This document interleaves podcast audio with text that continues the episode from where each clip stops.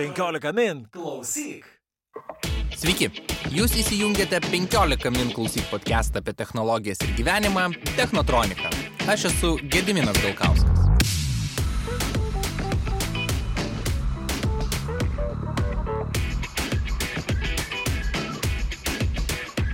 Šiandien kalbamės apie elektroninę komerciją ir kaip ji veikia mūsų gyvenimą. Paprasčiausias atsakymas yra, kad e-commerce'as mums tiesiog viską palengvina.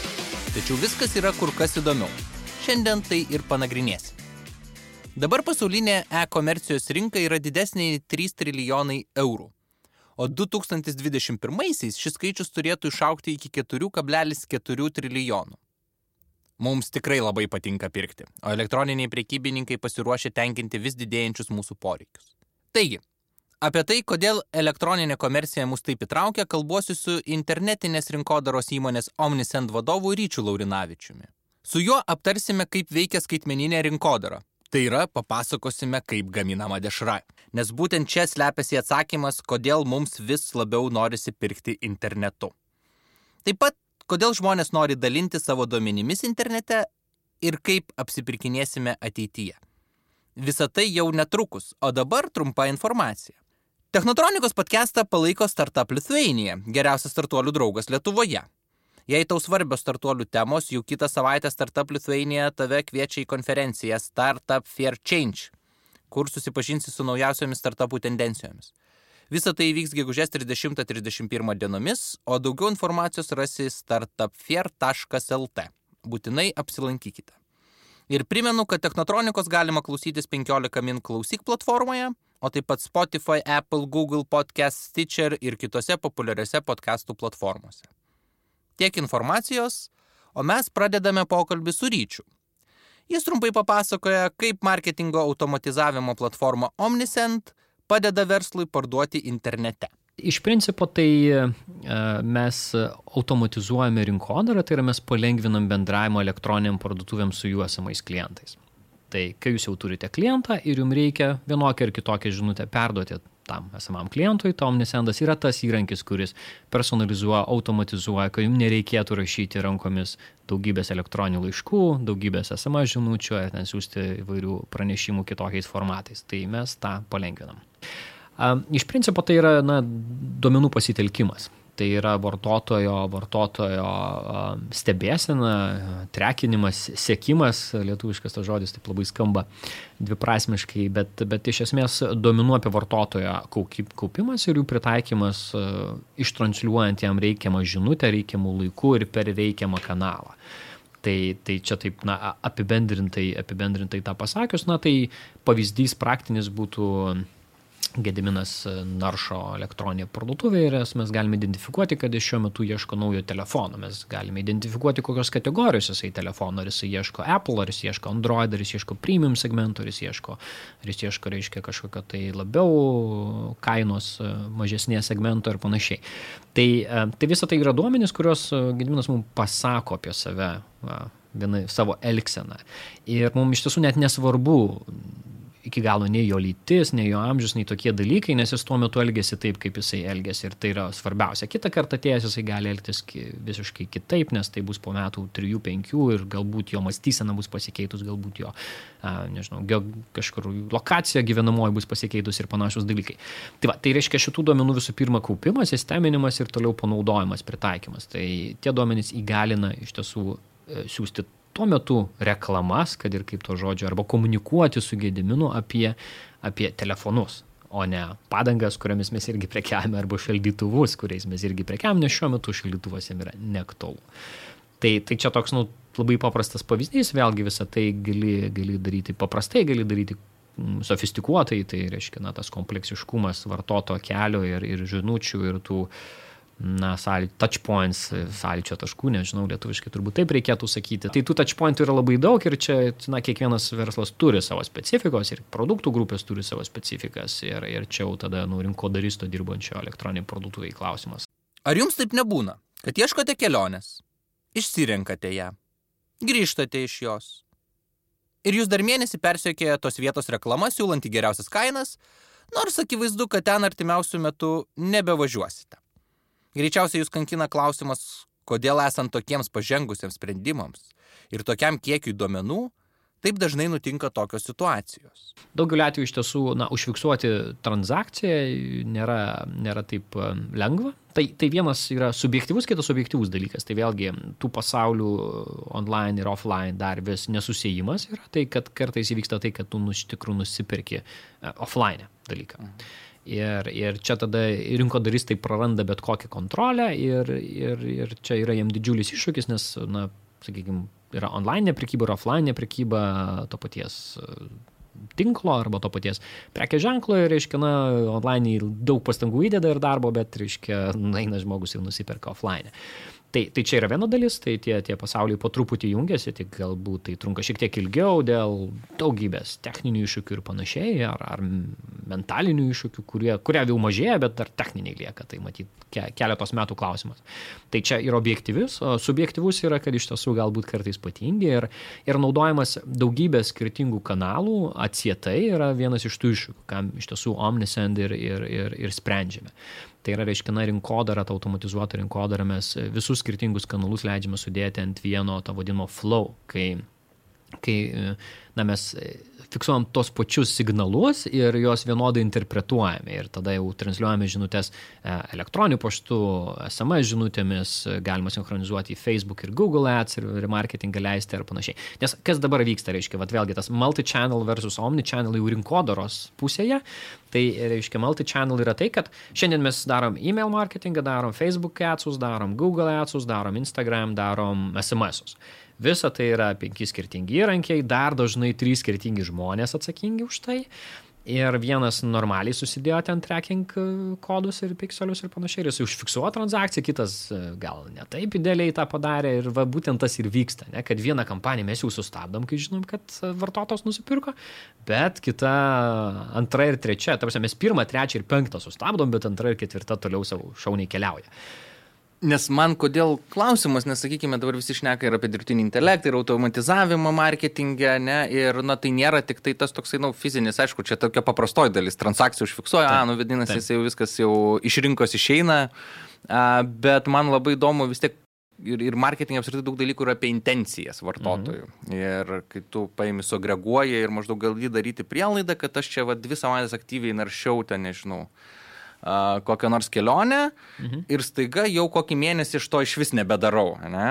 A, ir vis tiek aš gaunu. Ir tai vat, man tas momentas yra kaip visgi tas gal dirbtinis intelektas yra tiesiog toks, na, na buzzwordas.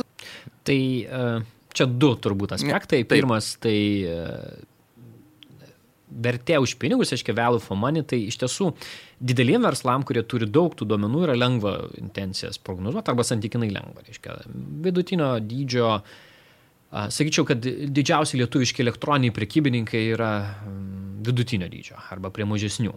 Tai iškia tokiam verslam iš tiesų pasitelkti duomenys yra sunkiau ir ypač jeigu mes kalbam apie tą na, predictive arba prescriptive, tai yra atpažinti, ką tu kaip vartotojas darysi toliau, arba, arba dar kitas žingsnis, kuris pasaulyje šiuo metu su eksperimentuojama, tai yra nuspėti, kad e, jeigu mes padarysim A veiksmą, tai vartotojas tada darys D veiksmą. Nu, nes kol kas tik tai prognozuojam, kad vartotojas daro A veiksmą, dėl to mums reikia imtis B veiksmą.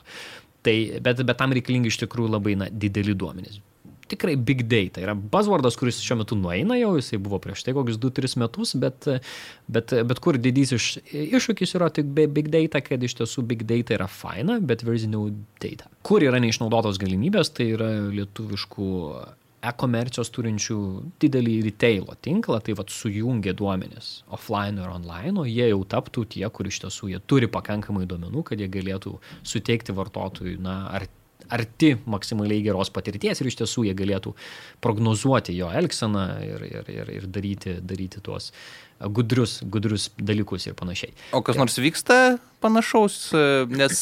Mano žiniomis vyksta, taip, vyksta, tik trunka žymiai ilgiau negu kad, kad taip iš išorės atrodytų, kad pukštėm ir sujungia, bet, bet, bet dirba, dirba iš tiesų, žinau, dirba Maxima, dirba, dirba senukai tais, tais klausimais. Um, Katrinos grupė, žinau, stipriai dirba žaislų prekybininkas su daug, daug brandų atstovaujantis ir panašiai. Tai ta, ta. ėjimas link tikro, reiškia, daugiakanališkumo, omnichannel prasme, ne multichannel, kad mes turime ir, ir offline, ir online, bet nieko bendro tarpusavėje neturime. Tai, va, tai čia ta pirma dalis, dar tada tavo antra klausimo dalis buvo apie dirbtinį intelektą, kaip, kaip buzzwordą, kiek, kiek jisai gali padėti ir kiek jisai iš tiesų yra.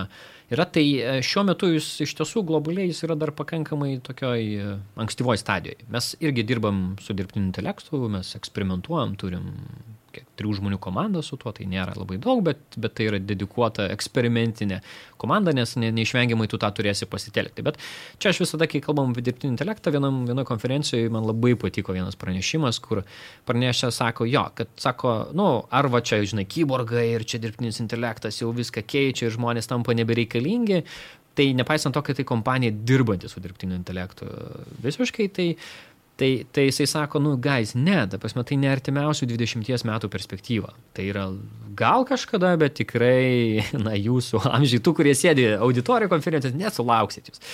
Tai, o bet ko jūs galite sulaukti, tai yra tai, kad dirbtinis intelektas padės daryti donkey job, kaip jisai sakė. Tai yra tai, ką anksčiau žmogus neždavo ant savo pečių nešulius, tada jis išmoko pasitelkti asilus ar ten arklius, paskui jis išmoko pasitelkti automobilį, bet žmogus vis tiek yra reikalingas. Kažkas turi surinkti, kažkas turi valdyti tos mechanizmus, kažkas turi nuspręsti, ką tai daro. Tai dirbtinis intelektas irgi artimiausių laikų galės perimti donkey job dalykus. Tai, na, rinkodaros prasme, kad jeigu tau Jeigu tau anksčiau tekdavo pačiam susidėlioti ten segmentus pagal kažkokias savybės, nes tu žinodavai, kad tu turi ten 10 prekių kategorijų, dirbtinis intelektas tą gali suprasti ir jis tau gali sukategorizuoti tavo klientus pagal jų pirkimo elgseną ir į kategorijas, pavyzdžiui, ar ne? Bet tu vis tiek turėsi nuspręsti, kokią žinutę tu nori transliuoti. Dirbtinis intelektas gali parinkti nuolaidą klientui, ar ne, kad, kad štai šitas yra labiau linkęs nuolaidų medžiotojas, o šitas yra tiesiog, jeigu jam patinka produktas, jisai perka ir jis nėra toks jautrus kainės, jis gali parinkti nuolaidos dydį, bet žmogus turės nuspręsti, kad iš principo aš darau kampaniją apie nuolaidas ir nuo tokio rėžio iki tokio rėžio. Tai va, tai, tai tokie pavyzdžiai, kad Tai, sakau, mūsų, mūsų patirtis, mes dirbam su tuo, mes eksperimentuojam su tuo ir galbūt dėl to, galbūt dėl to mes kalbam apie tai be abejo, bet, bet reiškia, čia, na, atvirai kalbamės ir, ir, ir, ir panašiai, bet, na, iš tiesų tai nėra tas dalykas, kuris artimiausiais metais ims ir kažkaip radikaliai, radikaliai pakeis. Vartotojo duomenų ir jų apdarojimo reikia visiems. Visų pirma, dėl milžiniškos konkurencijos. Iš pirmo žvilgsnio pradėti pardavinėti internete yra labai paprasta. Tas tiesa. Bet būtent todėl visi priekybininkai susiduria su milžiniška konkurencija. Štai ko gero populiariausia platforma, leidžianti tiesiog išsinuomoti elektroninę parduotuvę - Shopify. Teigia, kad turi daugiau kaip 600 tūkstančių parduotuvių. O kiek dar pats Shopify turi konkurentų?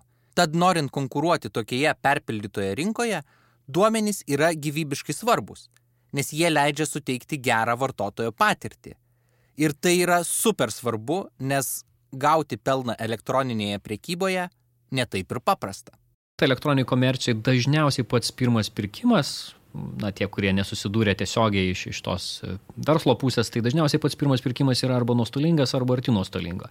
Tai reiškia, pritraukti naują klientą elektroniniai parduotuviai kainuoja labai brangiai, tai yra AdWordsai, Facebook'o reklama, kitokios reklamos formos. Jos yra nepigios ir dėl to pirmas pirkimas iš esmės yra nuostolingas ir a, parduotuvė gali užsidirbti tik tada, kai pakartotinai paskatina pirkėją grįžti ir vėl nusipirkti. Tai yra labai daugybė dedamųjų tam. Tai, e, reiškia, na, visų pirma, tai turi būti gera patirtis pirkėjo po, po pirmo pirkimo, matyti, jau čia kiekvienas iš savo asmenės perspektyvos su to susidūrė, kad jeigu tave nuvilia, tu nebegrįši ir nebepirksi. Ar produktas, ar, ar servisas, aptarnavimo kokybė, bet uh, Bet be abejo, paskui paskatinti žmogų ir informuoti apie tai, kad tu vėl turi naują kolekciją, turi gerus pasiūlymus, turi nuolaidas arba šiandien pristatai nemokamai, yra labai labai svarbu. Pagrindinė metrika, kurią skaičiuoja elektroninės parduotuvės, yra toks vadinamasis lifetime value. Tai yra, kiek per visą gyvenimo ciklą klientas, kol jisai būna su tuo prekės ženklu arba elektroninė parduotuvė, kiek jisai na, išleidžia vidutiniškai pinigų. Tai kai, kai tai yra tik tai verslo pradžia, labai sunku apsiskaičiuoti, bet jeigu verslas jau yra kažkurį laiką rinkoje, tai jisai tuos e, skaičius turi ir tada jisai gali vertinti, kiek jisai gali, kiek pirmų pirkimų gali būti nuostolingų. Tai a, jeigu tai yra mažas krepšelis, bet dažnas pirkimas, tai tų pirkimų gali būti daug, jeigu tai yra, na, perku televizorius, tai galbūt perku kartą kas ten 3 ar 5 metus, tai tų pirkimų yra vos vienas, antras jau gali būti pelningas ar, ar, ar panašiai. Tai čia iš tiesų yra daug tokių kompleksiškumo, nėra vieno atsakymo. Didžiąją dalį elektroninės prekybos pirago atsiriekė didieji žaidėjai - Amazon ar Kinijos Alibaba. Kinijos elektroninės komercijos rinka bendrai yra augantis sparčiausiai ir pinigai ten sukasi didžiausi. Mes žinome Black Friday ar Cyber Monday, tačiau šios amerikietiškos šopingo šventės kukliai kukčioje kamputyje prieš Alibaba stumiamą Singles Day, kuri nenostabu vyksta lapkričio 11-ąją. Pernai per 24 valandas buvo parduota prekių už beveik 28 milijardus eurų. Visą ankstesnių metų Black Friday ir Cyber Monday apyvartą apie 9 milijardus eurų. Singles Day pasiekė per 1 valandą ir 48 sekundės. Ir tai dar ne viskas. Prieš prasidedant šiai šopingo orgijai vyksta apšilimas. Fizinis, realus renginys, kuris yra tarsi, na, naujųjų metų pasitikimo vakarėlis. Jis prasideda lapkričio 11-osios išvakarėse 8 val. vakaro. Pernai jis vyko Šanhai arenoje, kuri talpina 18 tūkstančių žiūrovų. Čia pasirodė Mariah Carey, krepšininkas Alenas Iversonas reklamavo Ryboką, o Lionelis Messi spardė kamolį šalia Procter Gamble šampūno buteliukų. Taip, visame renginyje įvairiomis formomis vyksta daugybė produktų integracijų ir tiesiog geras vakarėlis. Trumpai tariant, tai yra gerokai smagesnė EastCon prezentacijų versija. O kalbant kasdieniškiau, gerai elektroninės prekybos patirčiai reikia mūsų duomenų. Trumpa informacija. Jei išklausai tiek, greičiausiai tau patinka ne tik tema, bet ir podcastai. 15 min klausyk mobiliojoje programėlėje gali rasti dar daugiau podcastų. Tarp jų ir pokalbį su aukščiausio lygio vadovais laidoje Atvirai su vadovu, bei laisvai samdomų darbuotojų aktualios podcast'e freelancerių dalykai. Parsisius 15 min klausyk iš App Store ar Google Play. Arba įsijung 15min.lt pasvirasis brūkšnys klausyk savo kompiuteryje. O dabar grįžtame prie mūsų temos. Mes visą šitą galime padaryti, na, jūs tiksliau, jūsų klientai gali visą šitą padaryti, na, maksimaliai personalizuoti pasiūlymus tuomet, kai turime daug duomenų. E, ir dažnai daug asmeninių duomenų turime. Ir dabar jau ypač su visais Facebook'o, fintais, na, žmonės taip staiga tampa tokie woke ir aware, mhm. kad mm. jo, gal nėra čia ir, ir, ir, ir idealu tiek daug duomenų dalinti online.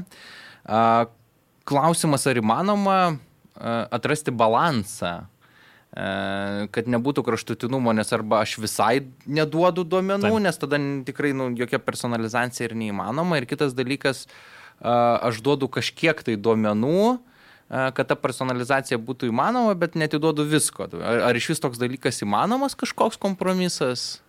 Um, labai geras klausimas, tai čia, matai, jeigu leidi, tai tarsi leidi ir jau čia nuo to, nuo to prekybininko ar, ar ten on, online žaidėjų iš anos pusės priklauso, kiek, kiek, kiek tų duomenų renka, bando, kiek jos naudoja, kiek jos etiškai naudoja. Tai, tai čia iš tiesų yra ta plona riba ir sutinku ir ypač tas klausimas aktualus Europoje. Ypač e, nuo pernai metų, kai tas vadinamasis GDPR įsigaliojo bendrasis duomenų reglamentas, tai, tai, tai yra, yra didelis iššūkis. Iš esmės žmonės yra linkę keisti savo asmens duomenis į kokybiškesnę rinkodarą ir kokybiškesnį prekės ženklų bendravimą. Tai yra bendras trendas. Yra, kaip čia pasakyti, mažuma garsiai kalbančių arba rėkiančių netgi dažnai, kur čia, o, data privacy, aš čia taip pats blokuoju, reiškia, visus naršyklės, na, kokius naršyklės ir visa kita, mane čia niekas negali trekinti ir taip toliau, bet kai tu pasižiūri, reiškia, kiek yra naršyklių naudotojų ir kiek yra tų papildinių, kurie blokuoja reklamas ir panašiai naudotojų, tai procentukas yra labai labai mažas. Ir čia vat, tampa labai svarbus vėlgi ta vartoto patirties, apie ką mes jau šiandien kalbėjome, aspektas tai yra, kad vartotojas tikisi kiek įmanoma geresnės patirties ir jis nedalina bet ką. Bet yra prekės ženklai, yra prekybininkai, kurie patinka. Tau tiesiog patinka, nes tau patinka jo, žinai, rūbai, aksesuarai, kompiuteriai e, ir panašiai. Ir, ir žmonės, čia atsiranda tas, reiškia, kitoks truputį santykis, emocinis ir vėlgi vartotojo patirtis tampa labai labai svarbi. Tai yra, kokią patirtį prekės ženklas sugeba sukurti. Ir čia yra tas paradoksas. Kuo geresnę patirtį prekės ženklas sukuria, tuo žmonės labiau linkia yra leisti naudoti jų asmeninius duomenis tai patirčiai kurti. Nes jeigu aš vieną kartą davėjau ir mane užspamino, tai yra problema. Spamas yra tikrai problema ir žinau, kad, na ir mums patiems, žinai, kai ten kažkam pasako, ką tu darai, tai spaminat jūs, ne? Tai tą žodį aš dažnai išgirstu, tai taip yra ta problema, mes kovojame, tarp, tarp mūsų klientų pasitaiko ne, ne, netiškos elgsenos ir, ir reiškia, mes, mes, mes su tuo kovojame, tai, tai, tai yra iššūkis, bet vėlgi iš vartoto pusės aš vieną kartą daviau, žinai, ir tada, jeigu tai, nu, tu elgiesi ne taip, kaip aš tikiuosi, aš atsimiu tą leidimą, atsimti visada labai lengva ir daugiau nebeduosiu. Bet yra kiti prekės ženklai, kurie elgesi kitaip ir tai, tai yra ilgesnis kelias, taip sukurti tą santykį ir pasitikėjimą, bet, bet jo nuėjus jis yra žymiai, žymiai tvaresnis. Ir žmonės yra linkę iš principo tos mainus atlikti. Ok, prisipažinsiu, aš esu tas vartotojas, kuris vis daugiau dėmesio pradeda kreipti į privatumą. Ne. Aš reklamų neblokuoju, bet bandau rinkti sprendimus, kurie nerenka apie mane bereikalingų duomenų. Štai Google tos duomenys renka ir kai pagalvoji, gal per daug vienai įmoniai. Iki šiol nebuvo rimtų alternatyvų, tačiau atsirado toks paieškos variklis DuckDuckGo. Pavadinimas linksmas, bet pasiūlymas tai rimtas. Jie sako, kad jie nerenka duomenų. Entuziastingai perėjau, mano pagrindinių paieškos variklių kompiuterį ir telefone tapo DuckDuckGo. Deja, bent jau Lietuvai jų paieška stokoja tikslumo. Po savaitės grįžau prie Google paieškos nes ten surasdavau viską greičiau. Nors iki šiol visai norėčiau, kad Google rinktų iš manęs mažiau duomenų, man daugiau nepatogumo sukėlė tai, kad su DuckDuckGo nerasdavau, ko ieškojau.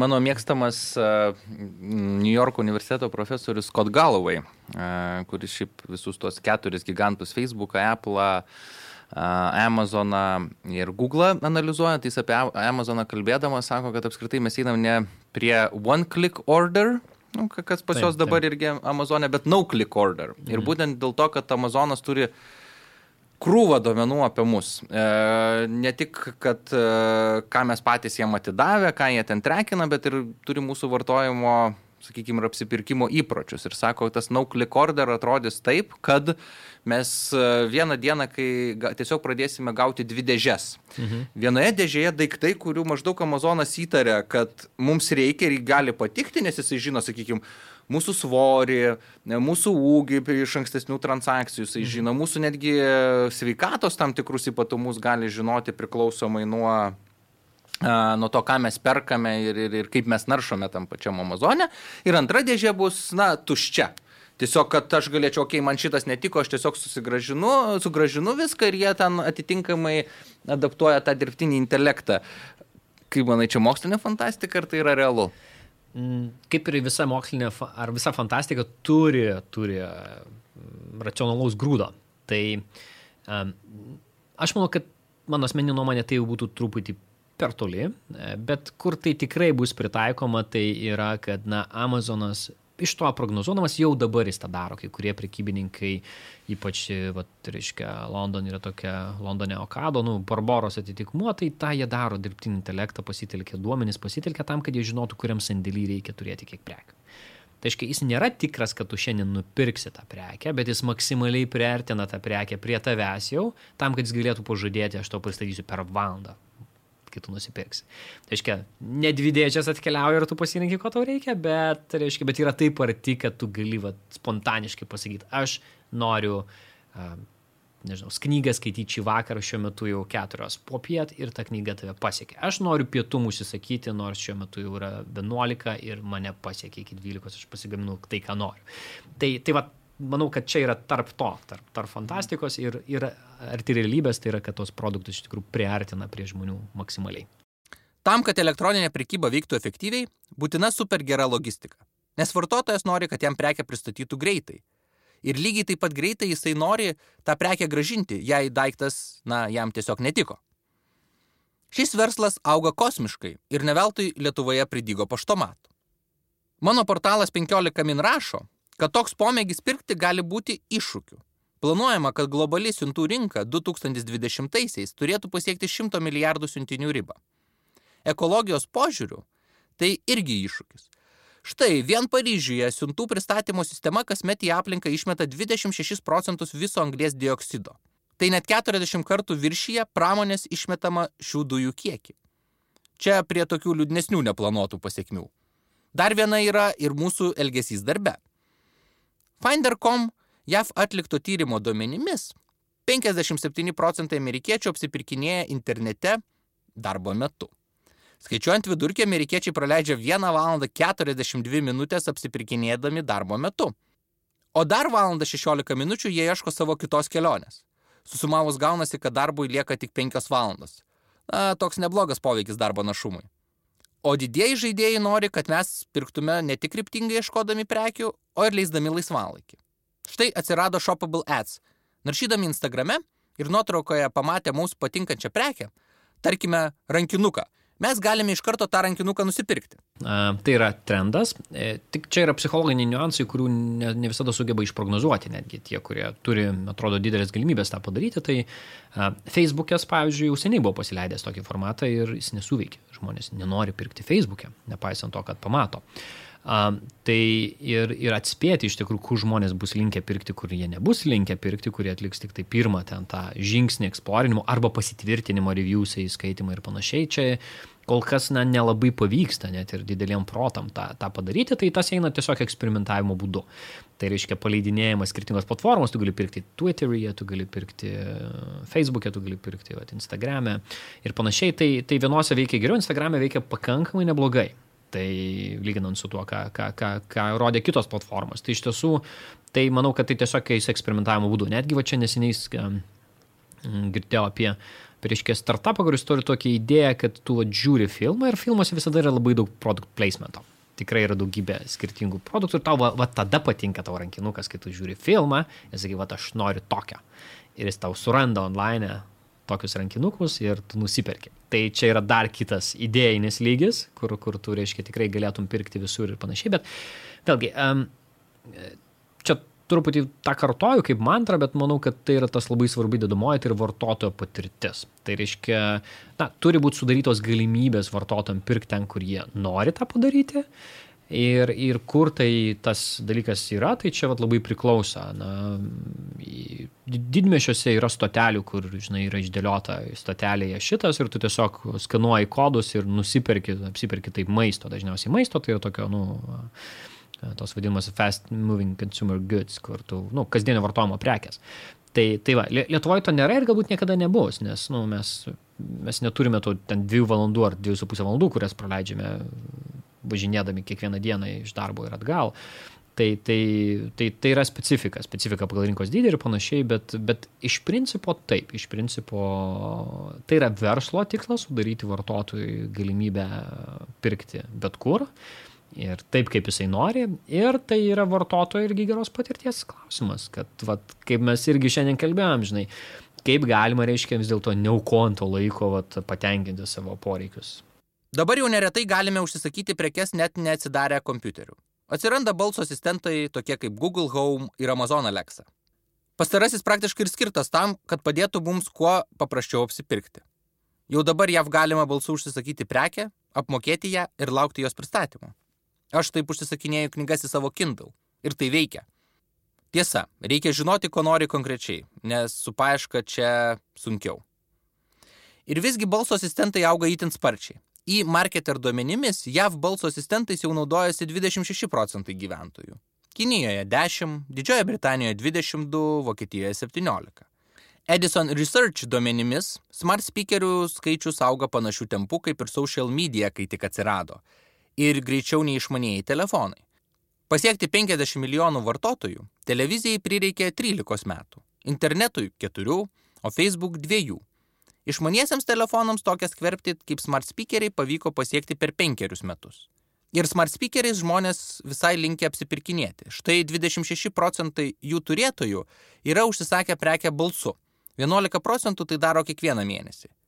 Ryti sako, kad Omniscent irgi atidžiai stebi šią rinką. Na, mes kol kas stebime šitą, nes kol kas tai iš tiesų yra labai maži skaičiai, tai yra mm, ir, ir turbūt tai atsietai nuo prekybos. Apskritai, na, tie balso asistentai, nepaisant to, kad jie kaip ir populiarėja ir jie susilaukia labai daug dėmesio, bet, bet ar tai iš tikrųjų technologija, kuri prigis ir pasiteisins apskritai, atsietai nuo prekybos, tai yra dar klausimas. Ar, ar žmonės įpras naudoti balso asistentus visiems gyvenimo klausimams, atvejam, tai tada jie įpras naudoti ir, ir, ir priekybai. Vėlgi, e, bet kuriu atveju reiškia patirtis galimai dalinė, tai tu balsu galėsi užsisakyti produktus, kuriuos tu na, nuolat naudoji, pakartotinas naudojamumas, ta prasme, Alexa, I need more milk viskas aišku, ne, bet vat, rankinukas mūsų linksniuojamo šiandien, na, Alexa nenupirks to rankinuko. Aiškiai, to vis tiek vizu, vis tiek yra labai daugybė prekių kategorijų, kur vizualus turinys parduoda. Dėl to, reiškia, tu negali eliminuoti vizualaus elemento ir, ir perkelti to tik tai į balsinį bendravimą. Tai, tai va tas yra, yra, yra, reiškia, didelis iššūkis ir manau, kad čia gali būti, jeigu vis dėlto prigis asistentai kaip formatas, tai tada, na, tos e, prekyba šiek tiek pasikategorizuos. Tai yra vizu emocinis pirkimas ir yra tai būtinis pirkimas. Ne, skalbimo milteliai, pienas ir panašiai, kur tikrai voice asistentai gali labai smarkiai padėti ir palengvinti tiek prekybininkui, tiek vartotojui, bet ten, kur yra labiau emocija, kur yra visual thing, tai, na, voice assistants, ne, čia, čia neveiks. Link ko eina viskas, kad, na, praktiškai bet kuriame gyvenimo etape tu gali nusipirkti ką nors, ne, nesvarbu, ten netgi eidamas iš vieno susitikimo į kitą, ne, tu ta, turi šimtą metrų ir gali netgi nusipirkti kokius tris dalykus. Vieną ten QR kodą nuskaitęs, kitą tiesiog pasibrausinęs Instagram'e pamatęs nuotrauką ir galų galę tą renkinuką vėl nusipirkęs dar kartą, ne, ir, ir dar ką nors. Ar Ar tai neskatina? Tiesiog aš suprantu, kad tas paprastumas įsigijimo, jis nu, labai viską palengvina ir atrodo, kad čia viskas na, paprasta, bet e, kiek jisai iš principo mums leidžia ar nusipirkti dalykų, kurių mums net nereikia? Um, geras klausimas, iš dviejų pusių iš tiesų yra ir aš nežinau, kas, kas nugalės. Tai turbūt geriausias pavyzdys yra alkanas užžieki maisto prekių parduotuvė. Na, prisipirki visko, ko nereikia. Ir, ir pirk tada maisto prekes, kai iš tikrųjų tu nesialkanas ir vat, nu, ruošiesi vakarieniauti. Na, pavyzdžiui, online prekyba maisto, maisto produktų, ar ne? E, vėlgi mano asmeninė patirtis, kad aš mažiau nereikalingų daiktų nusipirku pirkdamas maisto produktus online negu kad aš užeinu po darbo, alkanas jau tuo metu į maisto prekių parduotuvę ir tada va, aš matau akciją, būbų mane stimuliuoja, aš skrandis atrodo, čia jau suvalgysiu visą pasaulį ir panašiai. Tai, tai čia va, yra du dalykai. Viena vertus, aiškiai, mes galime na, tai paskatinti iki iš tiesų beprotybės, kad tu gali visur ir viską ir visai kaip pirkti. Kita vertus, aiškiai, mes tam tikrą prasme eliminuojame tą, kad, na, va, šiandien jau einu taškyti pinigų į prekybcentrį ir, žinai, praleidžiu ten pusę dienos, nu ir tada jau ten mane viskas, kas gali ten stimuliuoja ir skatina leisti tos pinigus ir pirkti ir dalykus, kurių man nereikia. Nes, nu, o gal reikės. Tai kadangi tą, o gal reikės, tu pakeiti, kad e, on demand reikalų, kai reikia, aš tada tikrai greitai nusipirksiu, dabar man nereikia turėti atsarginių kelnių. Nes, na, nu, aiškiai, žinau, kad kai apsipilsiu šitas ir man ten, nu, nežinau, susieros rūkštimą, ne, dėl to, kad nebeskalbsinos, aš galėsiu nusipirkti tada, kada man reikia, nes aš turiu nusipirkti ir pasidėti, pasidėti į lentyną. Tai aš nežinau tikslaus atsakymo, bet vat, yra dvi pusės, aiškiai, kai mes alkoholio draudimas yra labai geras pavyzdys čia Lietuvoje, ar ne? Nu, kai pradėjo drausti, reiškia, nu, atsirado toks dalykas kaip užsistokinimas alaus arba vyno asmeniškai, nežinau, kaip kiti mano draugai irgi taip pat elgėsi. Anksčiau niekada to nedarydavau, nes, nu, ta prasme, kai ten jau norisi, tai nusiperki, žinai, nėra, kad kiekvieną vakarą ten vartoji dideliais kiekiais. Tai, bet kai draudžia, tai įsidedi. Tai, tai va čia labai panašus, žinai, pavyzdys, kad uh, kad kai žmogus gali bet kada, bet pagal poreikį, tada jis na, neturi to, kaip čia pasakyti, nusiteikimo, va dabar eisiu jau čia visko pirkti ir tada patenku į aplinką, kuri mane maksimaliai stimuliuoja. Mums patinka pirkti. O elektroninė prekyba siekia padaryti šį mūsų užsiemimą kuo malonesniu ir patogesniu. Dėka duomenų ir mums pritaikytų sprendimų mes norime pirkti dar daugiau. Ir aišku, čia yra dvi pusės. Iš vienos pusės tai tikrai sutaupo laiko ir leidžia įsigyti prekių, kurios mūsų mažoje rinkoje kitai būtų nepasiekiamos. Iš kitos pusės pasirinkimo gausa yra begalinė ir galima dažnai prarasti valandų valandas ieškant kažko išskirtinio. Kai tik patikriname vieną daiktą, staiga pradedame gauti daugybę alternatyvių pasiūlymų ir tuomet atrodo, kad mano tobulas pirkinys atsiras su sekančiu paspaudimu, po to dar su sekančiu ir taip toliau. O dabar Internetas dažnai pradeda priminti savotišką Šiaurės Afrikos šalių turgų, kur prie tavęs bet kur ir bet kada gali prisikabinti ir sakyti, my friend, I have very special offer just for you. A, žinau, tai buvo bloga impresija. Bet esmė supratote. Gali būti, kad to atvirumo internete žmonės pradeda persisotinti. Neveltui net iki šiol su privačiais duomenimis, bilekai besielgęs Facebookas, prabilo, kad the future is private. Ir tikiu, kad elektroninės komercijos žaidėjai pamatę, kad privatumas ir yra nauja geroji vartotojo patirtis, padarys elektroninę komerciją kur kas labiau draugišką mums. Šiandien tiek. Nebent jūs esate Kaune. Šiandien čia Technotronika Goes Live. Apie technologijų poveikį menui ir kultūrai kalbėsiu su Milda Ivanauskinė, Mo muziejaus direktorė. Vėliau tas gyvas pokalbis virs podcastu, kurį išgirsite ir Technotronikoje bet sako, kad live podcastų įrašymas ir vartotojui yra labai gera patirtis. Tad kviečiu kauniečius į pasimatymą. Daugiau info rasite Technotronikos Facebook puslapyje. Iki susiklausimo arba iki susimatymo.